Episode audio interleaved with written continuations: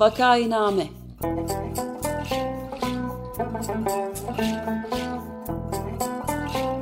Salgın günlerinde memleket manzaraları.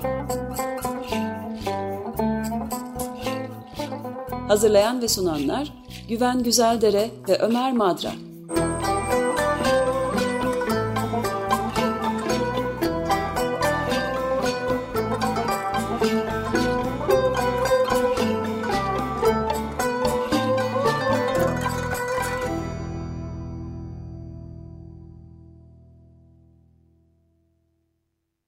Günaydın Güven Bey, merhabalar. Günaydın Ömer Bey. Evet, bu ikinci programı yapıyoruz şimdi. Tıp tarihçisi doçent doktor Fatih Artvinli ile beraber geçen hafta e, Monceri'nin e, hatıratı, hatırat da değil aslında son derece ilginç gözlemleri içeren bir e, yazısından kalkarak günümüzle karşılaştırmalar yapma imkanı bulunmuştu. Yani 1800 ta 57'de filan. Ee, ve e, şimdi de e, onun ikinci programının devamını yapacağız ama siz lütfen takdim eder misiniz? E, tabii ben şimdi şöyle düşünüyorum. Hepimiz e, bu salgın ne zaman bitecek, na, nasıl sona erecek e, diye merak ediyoruz. Bu konuda tabii epidemiyoloji ve tıp bilimi bize çeşitli modeller sunuyor, öngörülerde bulunuyor filan. Fakat işin bir de e, sosyal ve beşeri bilimler açısından e, baktığınızda e, nasıl olduğunu gösteren bir yanı var. Yani e, bu e, salgın ve salgının bitiş süreci nasıl deneyimlenmiş insanların hayatında, daha sonra nasıl hatırlanmış. E, bu konuda da tarih en önemli yol gösterici gibi geliyor. Çünkü İnsanlık başka salgınlardan da geçmiş. E, daha sonra onları arkada bırakmış. Daha sonra unutmuş yeni salgınlar gelene kadar. Bana şöyle gözüküyor. Yani e, şehirler arası yolculuk yapıyorsanız otobüse binersiniz. Otobüs gider gider en sonunda varacağı yere varır. E, garaja girer. E, şoför el frenini çeker ve cümleten geçmiş olsun der. Ya hani hepimize. E, öyle bir şey olmayacak. Yani bu Covid salgınında da birisi bir gün çıkıp cümleten geçmiş olsun bitmiştir demeyecek. Ee, başka türlü belki azalarak giderek dikkatimiz başka taraflara çekilecek. Artık o kadar önemsemiyor olacağız. Vaka sayıları e, azala azala ama tamamen yok olmadan belki e, sürecek. Böyle mi olmuş? Tarihte nasıl olmuş? E, bunları konuşmak için e, doçent doktor Fatih Artvinli ile geçen hafta bir giriş yaptık ve e, İtalyan hekim Luigi Mongerini'nin İstanbul'daki e, gözlemleri üzerine yazdığı bir e, yazıdan bahsettik. E, 1800'lerin ortalarında ciddi bir kolera salgını e, İstanbul'u kırıp geçiriyor.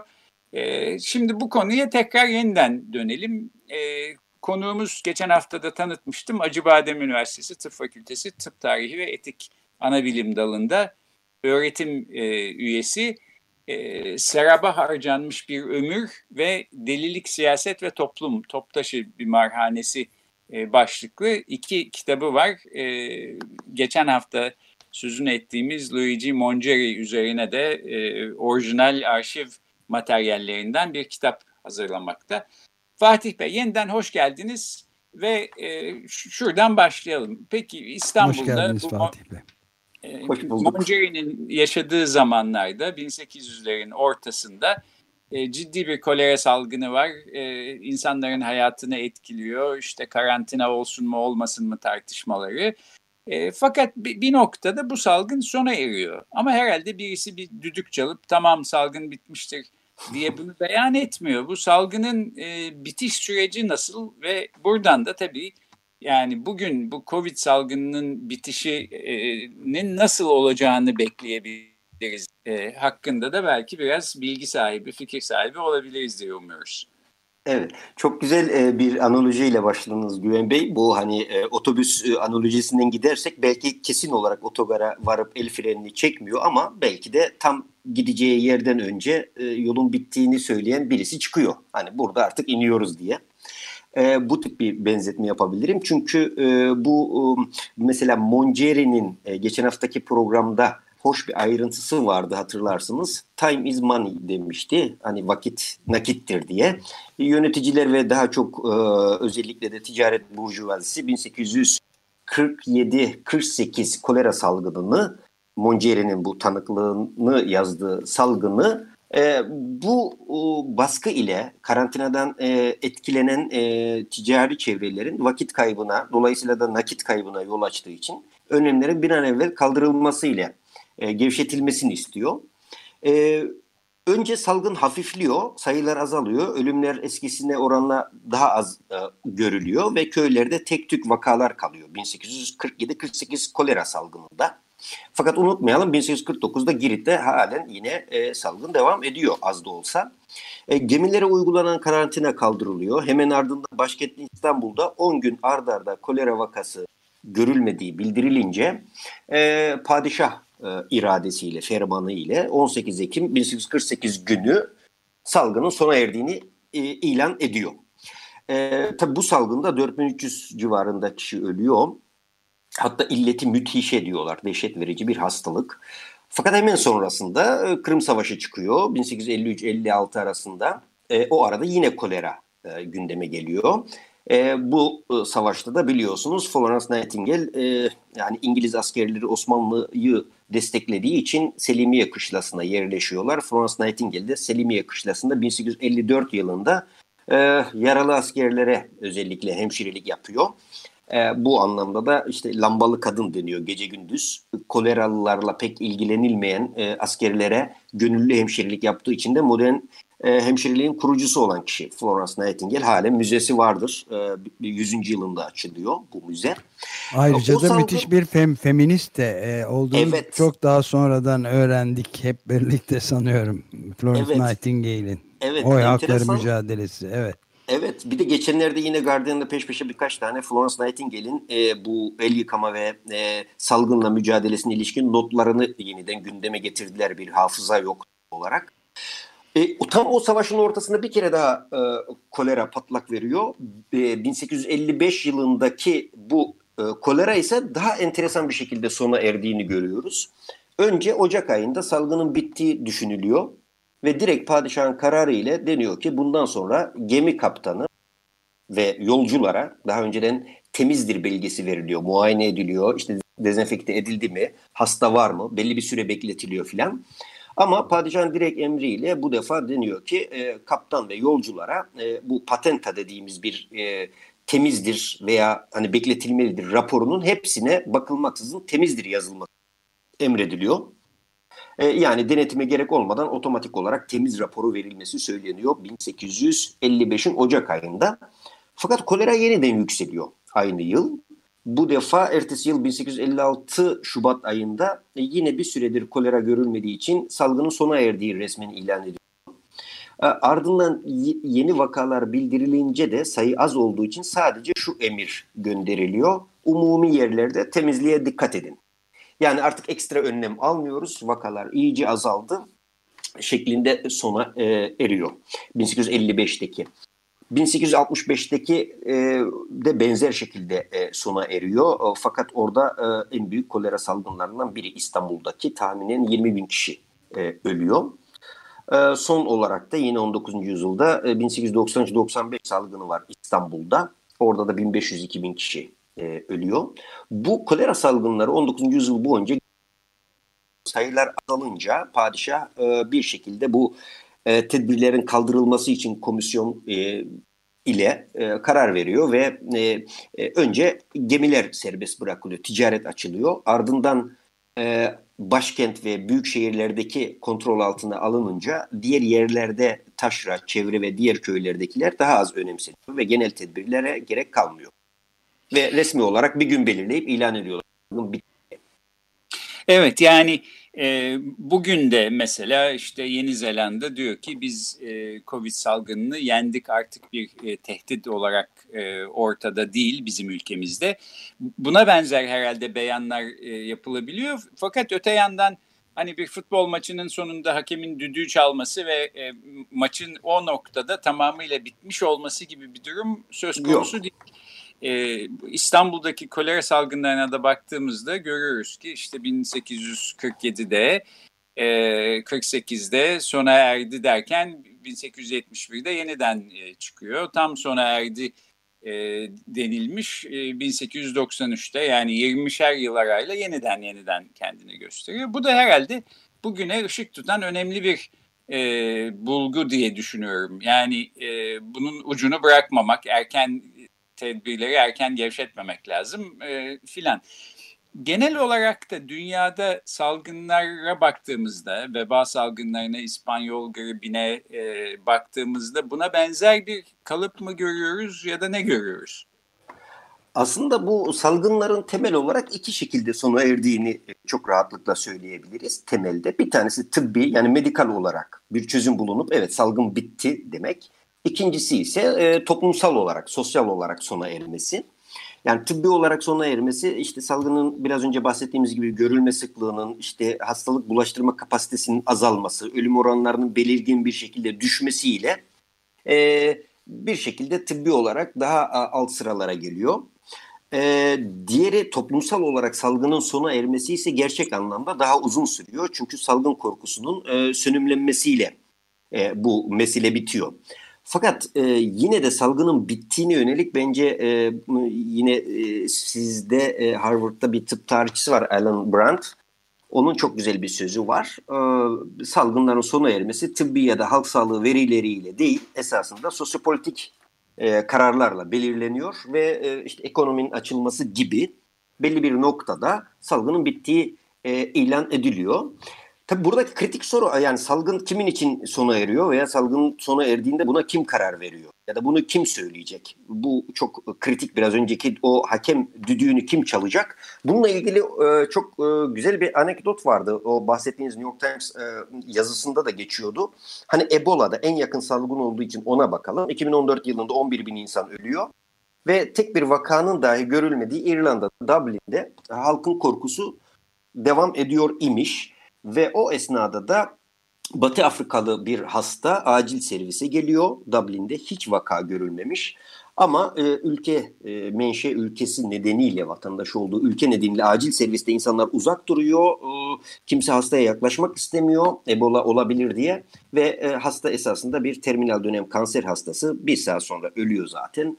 Fakat enteresan bu ölümün ardından tam 3 gün sonra Dünya Sağlık Örgütü Ebola salgınının resmen sona erdiğini açıklıyor.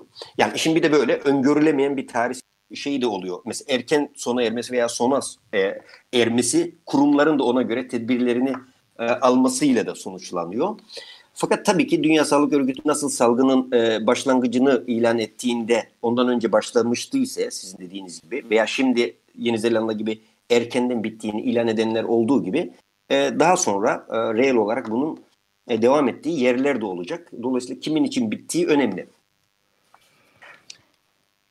Evet burada e, yani Monceri'nin e, geçen haftaki e, yazısında da okuduğumuz şey e, burada sosyoekonomik e, sebepler de e, unsurlar da çok e, önemli evet. ön planda geliyor. Yani e, Girit'ten e, e bahsederken de koleranın e, imparatorluğun e, şehirlerini kırıp geçirdiği 1848'de olan da buydu diyor. Ama esas itibariyle e, şeyin söylediği doğrudan doğruya e, bu yerleşik düzenin e, şeylerini aç gözlü ticari aç gözlülüğün yarattığı e, engelleri de ilave etmek yani geri dönüşü asıl engelleyen onlardır diyor. Yani sizin de dediğiniz gibi time is money yani vakit nakittir deyip ve gidişatı durdurmaya teşebbüs etmek en zorlu menfaatlere saldırmak ve devrin en kökleşmiş ihtirasını cepheden toslamak demektir diye. Burada şimdi aynı sorunla da bütün dünyada da üstelik de çifte krizde yani sadece Covid değil iklim ve biyo e, çeşitlilik krizinin de e, yani geri dönülürse aynı bu para e, time is money denen e, sisteme dönülürse e, üst üste çıkan çok ayrıntılı yazılara bakınca e, bu işin sonunun hiç parlak olmadığını bütün canlılar alemi için görmek mümkün. Evet bir de ben de bir şey ekleyeyim. E, bir de salgın hafızası meselesi var. Yani salgın oluyor, bitiyor bir şekilde insanların e, dikkati başka taraflara e, yönelmeye başlıyor. E, unutulmuyor herhalde salgınlar. Üstelik salgın olduğuna dair izler bulmak da mümkün. Yani işte bir şehirde salgın mezarlıkları e, orada önünüzde duruyor ya da veba hastaneleri, kolera hastaneleri falan varken. Fakat belki salgınlardan fazla konuşulmuyor. Bunun psikolojik nedenleri olabilir. İnsanlar hatırlamak ya da hatırlasalar da konuşmak istemiyor olabilirler.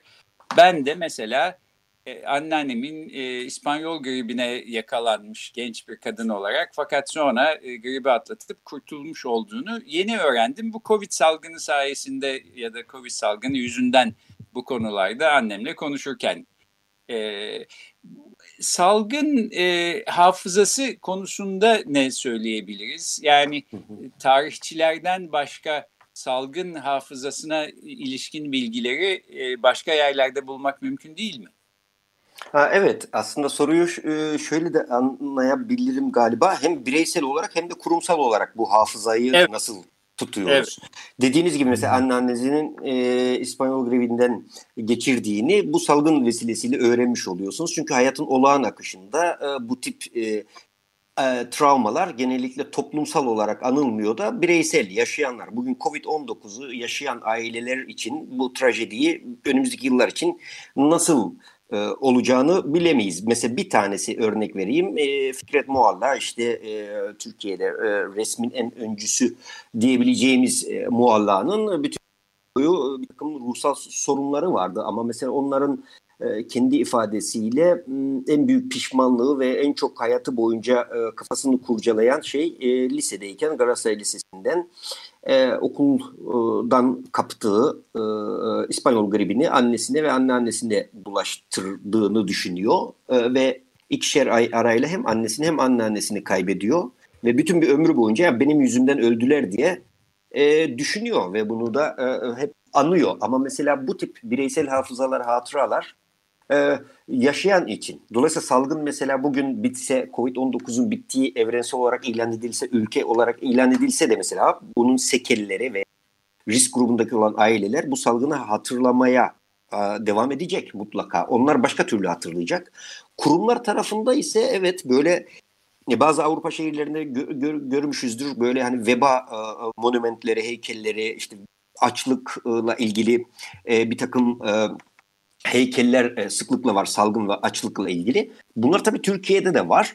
Bunlar için de tabii ki bir e, kurumsallaşma yani salgının hafızasının e, bir sonraki kuşaklara aktarılabilmesi için de bir takım enstitüler, kurumlar veya e, sadece salgına yönelik e, şehirde e, buna yönelik izler yani salgınların geçmişin bugün ile konuşur hale getirecek yanı başımızda olduğu e, yerler e, bulmak mümkün. Çünkü bunlar da çok var. Sadece bunları öne çıkarmak belki.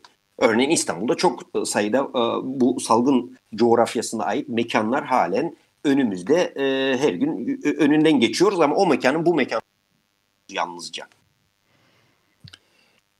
Evet yani bu mekanlardan kastınız da mesela e, salgın mezarlıkları falan gibi Tabii. yerler. Tabii mesela en sık e, en kalabalık olan Taksim'den tünele doğru tünele e, doğru inen yerde e, sadece en İstanbul'un kalabalık yerinde hemen mesela Taksim Meydanı'nın olduğu yer biliyorsunuz eski Ermeni, Rum ve Müslüman mezarlığı idi. 1560 veba salgınından sonra 1860'lara kadar 300 yıl boyunca ölen veba sonucu ölenler oraya defnedilmişti. Ta ki kolera e, döneminde artık bunun bulaşıcı olabileceği defni orada olmaması nedeniyle o mezarlıklar biliyorsunuz bütün bir yıkıma uğrayıp ardından bugünkü Taksim o şeklini aldı. E, Fransa konsolosluğu mesela e, bir eski veba hastanesiydi. Onun tam karşısındaki sokak şimdi Meşelik Sokak diye geçen yer e, Rum kabristanı sokağıydı. Orada da bir Rum e, veba hastanesi vardı. Daha sonra Yedikule'de e, biliyorsunuz e, Balıklı Rum Hastanesi yine veba nedeniyle kuruldu veba hastanesi. Surprilgiç Ermeni Hastanesi hemen onun yanında Beyoğlu'nun şeyde Yedikule'de o da bir e, salgın nedeniyle kurulmuş bir hastane. E, Katolik Ermenilere ait Surp Agop yine orada. Hatta bütün bir ülke hastanelerini de düşünürsek İngiliz hastanesi, İtalyan hastanesi, Alman hastanesi, e, St. George Avusturya Hastanesi. Bütün bunlar 19. yüzyılda ağırlıklı olarak kolera hastalarını da e, tedavi etmiş ve e, salgınlarda çok büyük işlev görmüş mekanlar veya Kız Kulesi mesela hem veba hem kolerada tecrit edilen e, hastalar için kullanılmış bir yer Kız Kulesi ama her gün e, bir şekilde İstanbul'un temel simgelerinden biri olmasına rağmen onu salgınla bağlamıyoruz de diyebiliriz. Ya da mesela karantina teşkilatı geçen hafta konuştuğumuz hem hemen Karaköy iskelesinin bir arka sokağında Hudut Sahilleri Genel Müdürlüğü olarak 1840'lardan beri aynı mekanda duruyor orada e, karantina binası. Evet benim geçen haftaki programda bahsettiğim sizin e, Gazete Kadıköy'de e, Nisan ayında yayınlanmış yazınızda tarihte salgınlar ve koronavirüsü yazınızda diyorsunuz ki aslında tıp bir sosyal bilim olarak görülmeli. Bu söylediklerinizden de bunun e, buna destek verecek şeyler çıkıyor. Çünkü tıp yalnızca işte virüslerle, bakterilerle mücadele edilmesi değil, bu mücadelenin e, içinde yer aldığı insan hayatıyla alakalı çok daha geniş bir alan. E, buradan bunu anlıyorum. E, işte e, yani e, tarihçilerin yanı sıra edebiyatçılar da bize yardımcı olabilir. Orhan Pamuk'un evet. yeni kitabı Veba üzerine bir kitap e, çıktığı zaman herhalde e, onu da okuyup bir şeyler öğreneceğiz. Tam bu noktada belki şeyi de söylemek lazım. Albert Camus'un e, Veba adlı başyapıtını e, bütünüyle okuma fırsatımız oldu açık radyoda e, bu vesileyle açık gazeteden hemen önce. iki ay boyunca okuduk. Fakat geçenlerde artı gerçekte çok ilginç bir yazı çıktı. Albert Camus'un vebayla boğuşan hekimlere tavsiyeler diye kızı Katrin Camus'un özel izniyle Türkçe'de ilk defa artı gerçekte yayınlandı bu ve Yiğit Bener'in çev güzel çevirisiyle yayınlandı. Ee, Güven Bey sizin de söylediğiniz şeyden de bahsediyor o noktada yani doktorların aynı zamanda kendisinin de, de yani itidal, kendiyle barışık bir ruh en sıkı durandır diyor. Ee, ve siz de bu tuhaf zulme karşı duracaksınız. Ee, ama illetlerin üstesinden gelebilecek yegane güç olan itidale uygun davranabileceğinizden emin olmak için kendi cehaletinizi sık sık hatırlamanız e, gerekecek. Bu da kolay değil. Size bir felsefe lazım e, diye de çok hoş lafları var. Bütününü okumak e, dinleyicilere de e, tavsiye ederiz. Artı gerçekte yayınlandı kısa özel e, bir metin. E, o da çok tamamlayıcı nitelikte doğrusu. Tamam ben bu yazının bağlantısını Twitter duyurusuna bu programın duyurusuna eklerim. Oradan bakılabilir. E, felsefe her eve lazım. O, o konuda da e, evet. hem fikir olduğumu belirteyim. Şimdi programın sonuna e, geldik sayılır. Şunla bitirelim isterseniz e, Fatih Bey. Salgın yönetimi konusunda e, Avrupa ülkelerinde, Amerika Birleşik Devletleri'nde önemli enstitüler ya da merkezler var. İşte Enstitü Pasteur gibi, e, Koch Enstitüsü gibi. Bu tür Bizde de bir bilim kurulu var. Ee, işte yeni kuruldu bu salgınla mücadele için. Bilim danışma kurulu oldu şimdi. Ama e, bir kurul, e, kurum değil. E, yeni kurulmuş bir e, kurul üstelik. E, hep böyle miydi? E, bizim coğrafyamızda e, salgınla mücadele konusunda kurumsal kimlik e, anlamında tarih bize neler söylüyor? Aa, evet aslında bizde çok uzun bir e, idari tarihi var meselenin. Yaklaşık 180 yılın içerisinde defalarca kurumlar e, açılıp kapatılıyor. 19. yüzyılda karantina teşkilatı bütün bu yönetimiyle ortaya çıkıyor ama e, daha sonra e, e, dağılıyor. Yaklaşık Robert bir dakikamız kaldı bir de onda. Tamam hemen peki hemen söyleyelim. Ardından Robert Koch ve Pasteur Enstitüsü ayarında bir bakteriyolojihane kurulmaya çalışılıyor. Onda savaş nedeniyle ilerleyen yıllarda siyasi nedenlerle de kapatılıyor. Bizde o ayarda bir de Refik Saydam Hıfzı Sığa Enstitüsü vardı biliyorsunuz. 1928'de açılan, aşı üreten ve 2011 yılında kapatılan. Refik Saydam Hıfzı Sığa Enstitüsü'nde de e, bir salgına dair e, çeşitli 1930'larda e, pandemi planları veya salgın hazırlıklarının olduğunu görüyoruz. Fakat bugün e, diğerlerinden farklı olarak 150 yıllık, 100-150 yıllık Robert Koch veya Pasteur Enstitüsü ayarında salgın yönetiminde de e, onun tedavisinde de tecrübeli bir enstitü veya kurumsal bir birikimimiz yok. E, dolayısıyla şimdilik akut olarak bir bilim kurulu kuruldu ama kalıcılığı konusunda e, e, her birimiz biliyoruz ki e, bu biraz zor. Çünkü böyle bir kurumsallaşma e, anlamında salgın yönetimine doğrudan odaklanmış bir e, kamu ya da özerk bir bilim e, kurulum, bilim e, kurumumuz yok. Kurul değil ama kurumsallaşmaya ihtiyacımız var diyelim. Evet yani Refik Saydam Hafızı Saha Enstitüsü halen e, işlev görmekte olsa belki bunu da üstlenebilirdi. E, iki hafta önce Profesör Ali Alpar da şeffaflığın önemine dikkat çekti. Ah, bilim, evet. kurulu, bilim kurulunda neler konuşuluyor, neler tartışılıyor bunları pek bilemiyoruz. Çok az bir bilgi e, bize sunuluyor. Burada bir şeffaflık yok ama günün birinde e, bütün bunlar neler olup bittiği, nelerin tartışıldığı, hangi konularda e, işte belki aralarında kavga çıktığı, hangi kararların nasıl alındığını yine sizin gibi tarihçiler arşivlerden okuyup e, ileriki kuşaklara aktaracaklar diye tahmin ediyorum. Evet. E, peki böylece bitirelim isterseniz. Bitirelim isterseniz evet. evet. Çok e, Fatih Bey çok teşekkür ederiz gerçekten. E, ben çok teşekkür ederim. Üniversitesi Tıp Fakültesi Tıp Tarihi ve Etik Anabilim Dalı'nda öğretim üyesi Fatih Artvinli tıp tarihçisi geçen hafta ve bu hafta bize salgınlara tarihten gelen bir bakış açısıyla nasıl yaklaşabileceğimizi anlatmış oldu. Harika iki program oldu. Çok teşekkür ediyoruz yeniden. Çok teşekkürler. Görüşmek üzere. Teşekkürler. Hoşçakalın.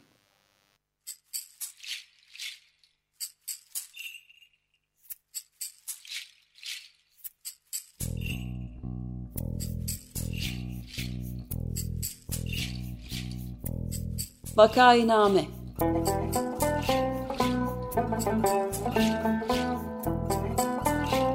Salgın günlerinde memleket manzaraları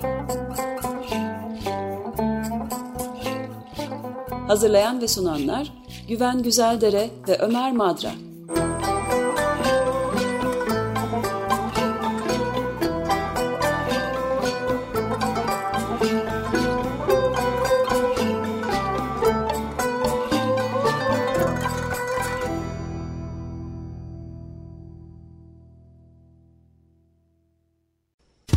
Radyo program destekçisi olun.